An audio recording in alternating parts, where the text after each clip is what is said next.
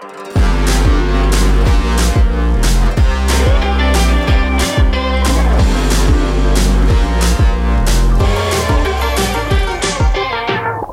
dieną. Sveiki. Jo, aš esu Vaidas Matskonis, Kobalt advokatų kontoros partneris ir šiandieną norėčiau pakalbinti e, jaunimo linijos vadovę Gretą Laukaitinę. Taip, sveiki, labai malonu. Jo, man irgi malonu Jūs matyti, girdėti, sėdėti šalia. E, nu, ką norėčiau pradėti. Iš tiesų, šiandien gyvenam tokių gan neįprastų laikotarpių. Mm, Turbūt jis yra sudėtingas pakankamai daugeliui ratui žmonių ir jūs turbūt susidurėt ir mes turbūt susidurėm su tam tikrais klausimais ir problemomis. Ir matomai šita visa mūsų situacija šios dienos, aš turiu galvoje ir pandemiją, ir iššūkius, kurį kelia, mm, matyti, įtakoja mūsų visus, įtakoja mūsų emocinę būseną, emocinę sveikatą. Ir turbūt nuo to norėčiau ir pradėti, užduodamas klausimą apie emocinę sveikatą ir ar reikėtų ją rūpintis ir kaip tą daryti. Tai vienareikšmiškai atsakymas, kad taip, tikrai reikia ją rūpintis. Ir pirmiausia, tai aišku, žiūrint į žmogų kaip į visumą ir vientisą organizmą, tai tikrai neužtenka pasirūpinti savo sulūžusią koją ar kažkokią lėtinę fizinę lygą, bet lygiai taip pat ir emocinių fonų ir psichinę sveikatą reikia rūpintis kaip savo paties dalimi, ar ne? Tai tiek pačiam žmogui, tiek ir organizacijose, bendruomenėse, ar ne tam bendram klimatui ir sveikam santykiui palaikyti, tai yra tikrai labai svarbu. O kaip tai daryti, tai aišku yra e, daug būdų, ar ne, ką mes galbūt kaip jaunimo linija, kaip organizacija visuomet primenam, kad pirmiausia mes kiekvienas savo galime padėti ir vienas kitam. Tai čia toks visiškai pats pirmas dalykas, ką galima daryti. Tai tiek pasikalbėti ar ne su savo artimuoju, šeimos nariu, antrąją pusę, draugu ar kažkokiu kitu patikimu savo žmogum. Tai yra tas pats pirmas žingsnis, kuris labai padeda paleisti kažkokią emociją, ją įsivardinti ir taip organizmas nurimsta ar ne ir mes taip jau savo padedam. Ir lygiai taip pat kažkokios savipagalbos priemonės, tai irgi ką mes patys kiekvienas galim daryti, tai yra tiek meditacija, tiek kiti būdai, kaip galima nuraminti savo protą mintis ir stabilizuoti būseną, tiek kažkam padeda knygos, ar ne kažkam padeda kažkokių tinklalaidžių klausimas ir taip savęs pažinimas. Tai visi šitie būdai yra tikrai pasiekiami mums kiekvienam ranka labai lengvai ir daug pastangų tam nereikia. Tai visada rekomenduojam pradėti nuo to, o, o po to jau ar ne yra specifinės pagalbos, ar tai yra psichoterapeutai, ar tai kiti specialistai. Visada galima paskambinti susidūrus su kažkokiu tai sunkumu ir emocinės pagalbos linija. Tai jau tikrai yra tie sekantys žingsniai, kuriuos visada galima daryti, bet pirmiausia, tai tikrai galim kiekvienas nuo savęs pradėti. Jo, tai kaip aš suprantu, savidisciplina vienas iš svarbiausių dalykų yra turbūt. Ne, ir aš čia kažkaip beklausydamas prisiminiau, skaičiau čia kažkokį straipsnelį eilinį, eilinį, pavadinimas toks gan intriguojantis buvo, kaip išlaikyti savo proto būseną ilgą laiką, ne, ne, ne, nesusirgti dimensiją ar ten Alzheimeriu ir taip toliau. Na, aišku, kaip visada pasižiūri antraštę kaip ir fine, nu, pradedi skaityti ir iš tikrųjų, na, vat, nieko ten tokio labai naujo netrandi. Tai kur aš lenkiu, iš tiesų e, buvo įvardintos trys pagrindinės taisyklės. Labai visiems žinomos turbūt tai yra mytyba, fizinis aktyvumas ir miegas. Tai turbūt aš pantrinsiu ir nesuklysiu, jeigu suklysiu mane pataisykite, turbūt matomai viskas prasideda vat, nuo tos savidisciplinos, tai yra kaip aš reguliuoju pats savo gyvenimą ir pakloju pamatus savo emociniai sveikatai. Tai reiškia, jeigu aš laikausi režimo, beje, pastebėjau pagal save, kada pradėjau, vat, turiu mažų vaikų, su jais maždaug gyventi ritmu, tuo gultis ten anksčiau, keltis anksti, anksti keltis aš visada mėgdavau, tik tai ne visada gultis pavykdavo.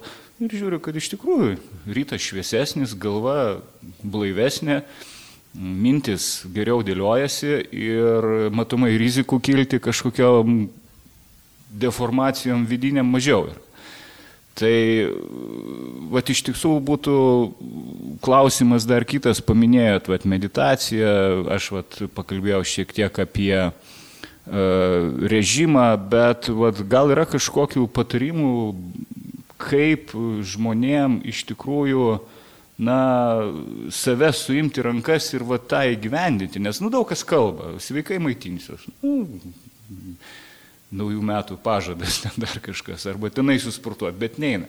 Tai va turbūt klausimas yra, ar yra va, kažkoks patarimas, kaip nuo kalbų pereiti prie darbų, kaip padaryti, kad būtų kaip toj Harakamės knygoje ten apie samurajus nuo minties iki veiksmo nedaugiau kaip septyni kvėpimai. Ar yra kažkoks mhm. patarimas? Na, turbūt toksai mm, irgi nėra toks paprastas tas patarimas, bet turbūt e, veiksmingas, kas yra, tai yra savęs pažinimas.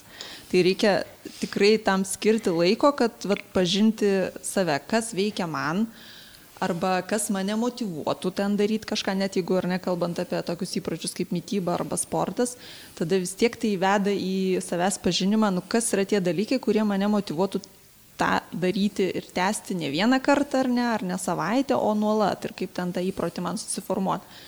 Tai savęs pažinimas, pakapstimas giliau ir supratimas, kur tie mano trigeriai tikrai labai padeda. Ir paskui pagal tai tu gali jau kažkaip tą savo veiksmų planą dėliotis. Tai lygiai taip pat ir su ta emocinė sveikata, ar ne, yra vieniem vieni kabliukai jos kabina ir išveda iš pusėsros, kitam kiti.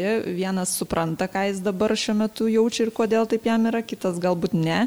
Ir e, kai tu supranti save geriau ir save geriau pažįsti, tai yra tikrai paprasčiau susidėlioti tiek kažkokius fizinės tos sveikatos ir gyvensinos aspektus, tiek ir emocinės. Tai čia toks pirmas žingsnelis ir jisai nėra labai paprastas, tai nėra turbūt tokių labai lengvų kelių kaip viską taip lengvai susidėlioti ir nuo to kalbų prie tų darbų pereiti, bet e, be savęs tokio patyrinėjimo ir pažinimo ir supratimo yra tikrai sunku ilgam išlaikyti kažkokią vat, motivaciją ir um, rutiną ar ne, sveiką ar, ar kažkokį tokį vat, kelią. Valios klausimas. Ne? Ir čia toks uždaras ratas gaunasi valios klausimas, bet jeigu aš valingai to nedarysiu, gali būti mano sveikata, tiek emocinė, tiek psichinė šiek tiek sėda ir tada aš jau pakliūnu į tą ratelį, iš kurio išėjai turbūt jau pačiam būna kartais ir sudėtinga, ar ne? Taip, iš tikrųjų būna situacijų, kai pačiam yra jau sudėtinga ir todėl ir yra, nu, ir yra ir kitos pagalbos priemonės ir būdai ir tiek galima, kaip ir minėjau, kreiptis ir į emocinės paramos liniją, kur visą parą mm. kažkas e, laukia tos skambučių ir atsilieps arba žinutės ir pasikalbės ir tam momentui pagelbės, yra ir testinės pagalbos, ar negalima kreiptis ir specialistus. Tai tikrai tų pagalbos priemonių yra, bet e, irgi, kaip ir sakau, svarbu save pagauti viena, ir žengti tą žingsnį. Viena iš pagalbos priemonių yra jūsų jaunimo linija, aš taip suprantu taip. E, Norėčiau šiek tiek grįžti prie to, nuo ko pradėjau, apie šių dienų realijas, apie pandemiją ir norėčiau paklausti, ar pastaruoju metu, ypatingai kai mes čia buvom užsidarę karantinę visi, ar padažnėjo tokių emocinių sutrikimų atveju, ar padaugėjo darbo jums, ar padaugėjo skambučių, padaugėjo žmonių ieškančių pagalbos. Mhm, tai mūsų ta pagalba labai pasijutėm mum patiem, kad na, reikalinga ir nėra tokia veikla.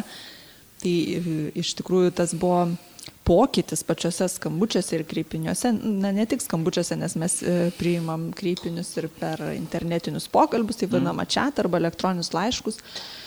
Tai ką mes pastebėjom, kad pasikeitė tie skambučiai. Ne tiek gal jų, kad labai smarkiai daugėjo ar kažkaip keitėsi tie kiekiai, bet e, pasikeitė ta prasme, kad jie tapo tikrai rimtesni sudėtingesni, ilgesni.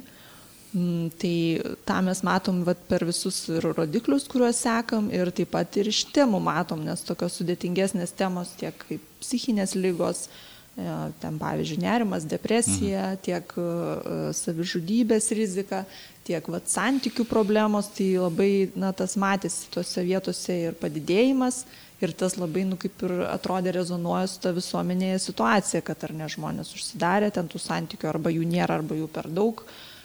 ten ir darbinės, pavyzdžiui, problemos buvo irgi, kur padėjimą matėm, tai reiškia, kad, nu, at, irgi natūralu, arba aš to darbo nebeturiu, arba man sudėtinga viską derinti.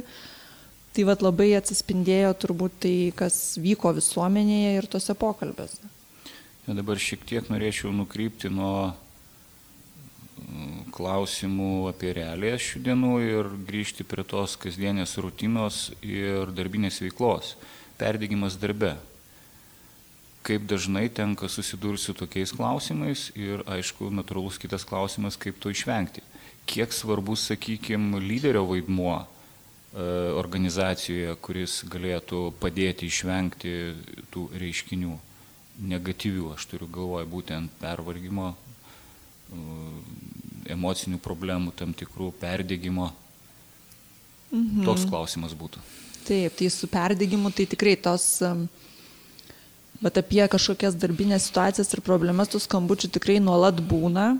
Tai galbūt nėra tokia pati pagrindiniausia ar ne tema, su kuo mes susidurė, mūsų savanoriai susiduria kalbėdamėsi, bet tai tikrai yra viena iš tų temų ir kas buvo irgi įdomu, pavyzdžiui, per karantiną, kai atrodė, kad dauguma žmonių nu, negali eiti į darbą arba dirba iš namų arba apskritai jų darbas šiuo metu nevyksta. Uh, vis tiek tų pokalbių buvo ir jų netgi daugėjo. Tai reiškia, mm. kad žmonės net ir dirbdami iš mm. namų, ar ne, e, jeigu tos ten kažkokios vat, perdėgymo ar kitokios situacijos buvo, jos ir išliko, ar ne, tas darbo vietos pakeitimas iš esmės nesprendžia tokio klausimo.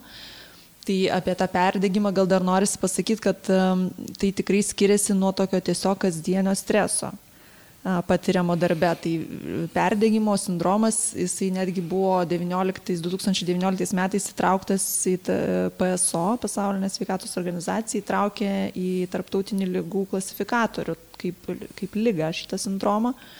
Tai e, iš tikrųjų reiktų atkreipti dėmesį, jeigu um, pastebima darbuotojų ar ne kažkokie tokie požymiai, tai tarkim lyginant jeigu su stresu, kas vat, nu, galima būtų atskirti, tai stresas įprastai tokia yra gana umi būsena ir žmogus būna aktyvus paprastai, nebūtinai produktyviai aktyvus, bet jis yra ar ne kažkoks susijaudinęs, aktyvus, bando kažkaip ten išsikapstyti, spręsti savo situacijas stresinės darbe.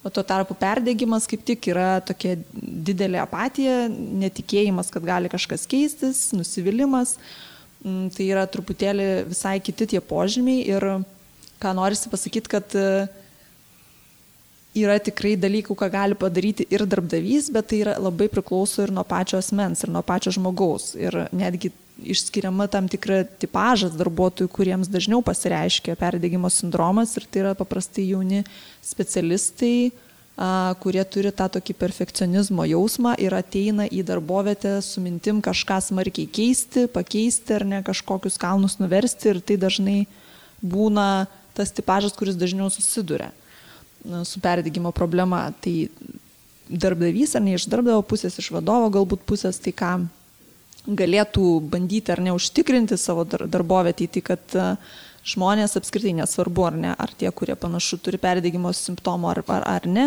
kad jie būtų išgirsti, pamatyti, uh, įvertinti, ar ne, na, kad žmogus jaustųsi, kad kažkam tame darbe rūpi, ar ne, ir kažkas jį uh, pastebi ir žino, kuo jisai gyvena. Mm, kitas turbūt dalykas kažkokias suteikti galimybės kelt kvalifikaciją ar ne, galbūt domėtis kažkom, kas tam žmogui įdomu, ypač jeigu jis yra va, toks perfekcionistinio tipo, tai paprastai jie nori vis kažko daugiau ar ne. Uh, Ir tikrai svarbu, kad stengtis e, užtikrinti darbo ir laisvalaikio balansą. Nes būtent tas atskirimas e, darbo laisvalaikio ir kažkokio vat, miego režimo tai yra tikrai labai svarbu būtent šito perdėgymo sindromo aspekte. Bet e, vat, minėjot kontekste, kad na, iš esmės vis tiek turi žmogus kalbėtis, turi pats norėti turbūt kažką pakeisti. Kaip e, susitvarkyti su situacijom, kada, pavyzdžiui, na, yra akivaizdžiai matyti, kad kažkas negerai su to pačiu darbuotoju ir nepavyksta jo prakalbinti. Nu, jisai išsisukinėja arba ten man viskas gerai, nu, bet tu matai, kad negerai. Bet ką daryti tokiais atvejais?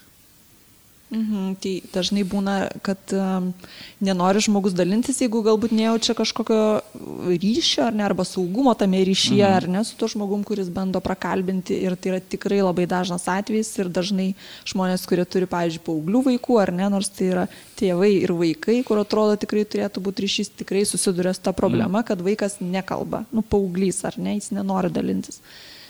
Tai tada, kas ar ne yra rekomenduojama, tai ieškoti kažko kito, ar ne kito žmogaus, su kuriuo tas, e, tas kurį norisi prakalbinti, jaustų tą saugumą. Tai gali būti, jeigu darbe ar ne, galbūt tai yra kažkoks kitas žmogus, galbūt vadovas nelabai ten susikalba, galbūt e, HR ar ne žmogus turi kažkokį santykį ir prakalbins nežinau, galbūt dar kažkas, ne, dažnai būna administratorės, labai dažnai yra tokios biuro fėjos vadinamos, mm. kurios visais turi tuos santykius ir, ir visai sekasi joms prakalbinti žmogų. Galbūt darbovietė gali, e, turi ir netgi dabar dažna tendencija, kad siūlo ar ne darbdavys, e, pavyzdžiui, tam tikrus specialistus, kuriuo apmoka ar ne paslaugas.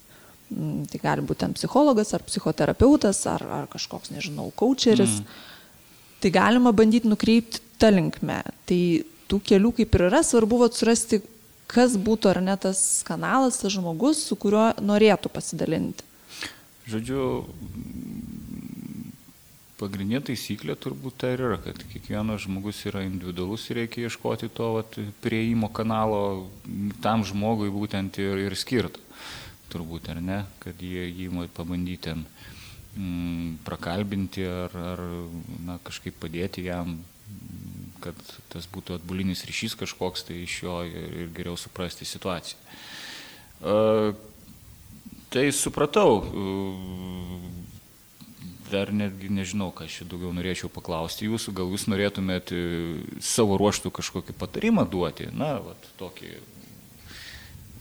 iš patirties, iš aktualių savo nu, kasdienių, su kuriam susidurėt, vat, nu, kad ir mum, pavyzdžiui, kaip, kaip advokatų kontorai, m, su mūsų darbo specifika ir, ir, ir gal kažką norėtumėt tokio pasakyti nuo savęs, kaip patarimą.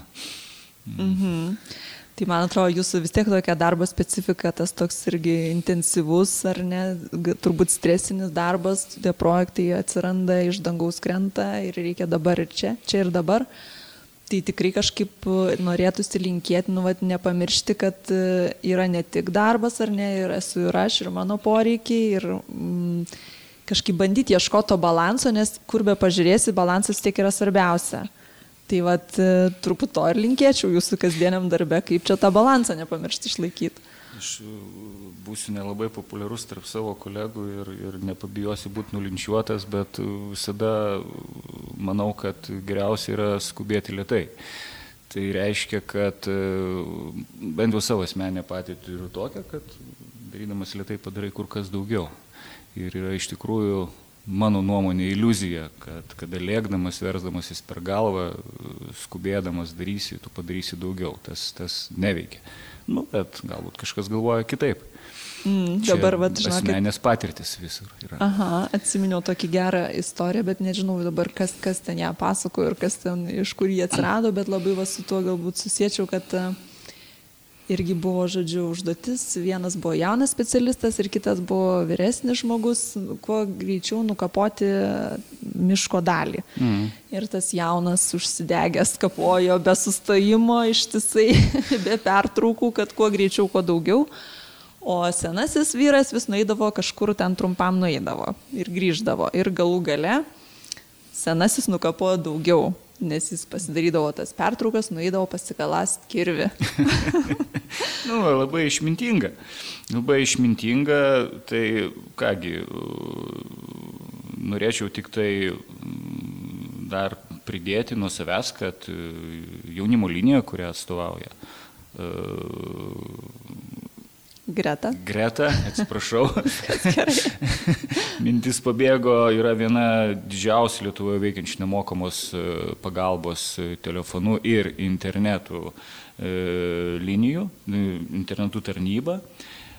Mes savo ruoštų kaip advokatų kontora Cobalt teikiame paramą šitai organizacijai Ir savo ruoštų, aišku, paskatintume ir kitus tą daryti, nes matyti viskas prasideda nuo mūsų, mūsų būsenos, mūsų tos pačios emocinės veikatos.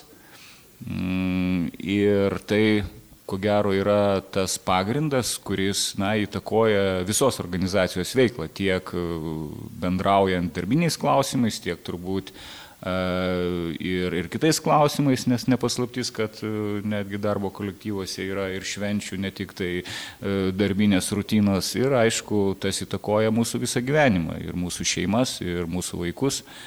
Ir e, norėčiau palinkėti mums bendrauti rečiau. Visgi. Nes e, kuo rečiau mes bendrausim, e, tuo bus e, akivaizdžiau, kad tos pagalbos reikia mažiau, nepaisant to, kad jūs esate labai svarbus, be galo svarbus sprendžiant problemas, kurios, na, kurias iš tiesų netgi kiti, kiti bijo turbūt spręsti. Mm, bet jas reikia spręsti, reikia turėti drąsos ir, ir tai yra gerai, tai yra gerai. Bet kuo rečiau, to geriau. Rečiau tai nereiškia, kad mm, reikia vengti to. Rečiau tai reiškia, kad mano palinkėjimas, kad tų problemų emocinių būtų kuo mažiau. Tai ačiū labai, kad buvote su mumis. Ačiū man, kad aš buvau su jumis. ačiū Jums labai už palaikymą, iš tikrųjų.